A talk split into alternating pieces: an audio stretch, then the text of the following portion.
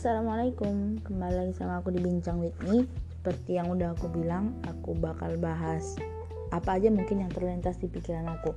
Dan kali ini aku berniat untuk bahas suatu buku Yang berjudul Karena Wanita Punya Sejarah.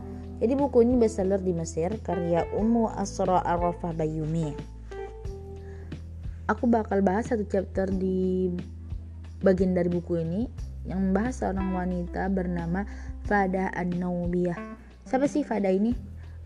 Sampai-sampai dia ditulis dalam sejarah Islam gitu. Digoreskan tinta emas untuk mengukir namanya gitu kan. Jadi kita kenalan langsung aja sama Fada. Jadi Fada ini adalah budak wanita Fatimah Az-Zahra yang merupakan ibah dari Rasulullah.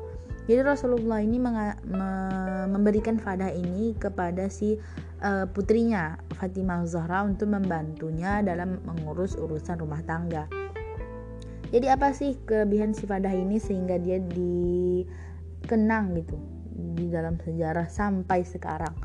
Jadi Ibnu Hazar itu menceritakan uh, Hasan dan Husain jatuh sakit. Kemudian mereka dijenguk oleh kakeknya Rasulullah dijenguk juga oleh orang-orang Arab orang-orang awam Arab. Hingga mereka berkata kepada ayahnya Hasan dan Husain e, tidakkah engkau bernazar? Lalu ayahnya Hasan dan Husain yaitu Ali berkata, e, jika mereka sembuh, maka aku akan berpuasa tiga hari sebagai ungkapan rasa syukur. Istrinya Fatimah juga mengatakan demikian. Lalu budak mereka, Fadah An-Naubiyah ini berkata, jika kedua tuanku ini sembuh, maka saya akan berpuasa karena Allah. Dia ikut berpuasa. Lihat. Jadi demikianlah ditunjukkan uh, oleh Fadah ini Meskipun dia adalah seorang budak, tapi iman tidak membuat pembeda di antara kaum muslimin dan muslimat.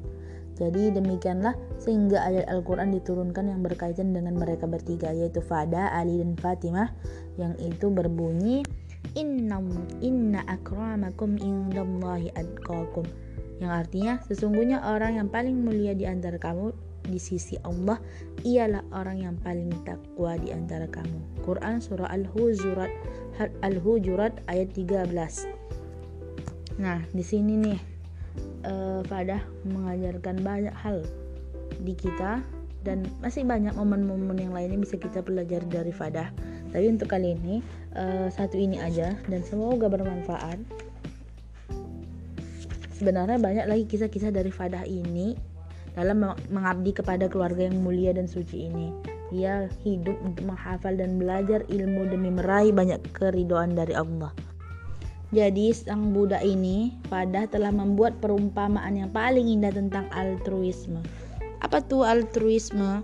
Altruisme ini adalah e, di mana kita sebuah sikap perhatian terhadap kesejahteraan orang lain tanpa memperhatikan ataupun uh, lebih menyibukkan dia sendiri.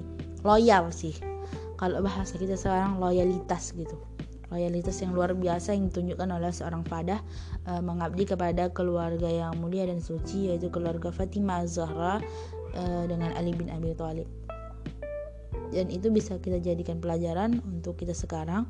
Uh, dan begitu banyak hikmah yang sudah diberikan dalam cerita kehidupan membantu rumah tangga Ali dan Fatimah oleh Fada ini.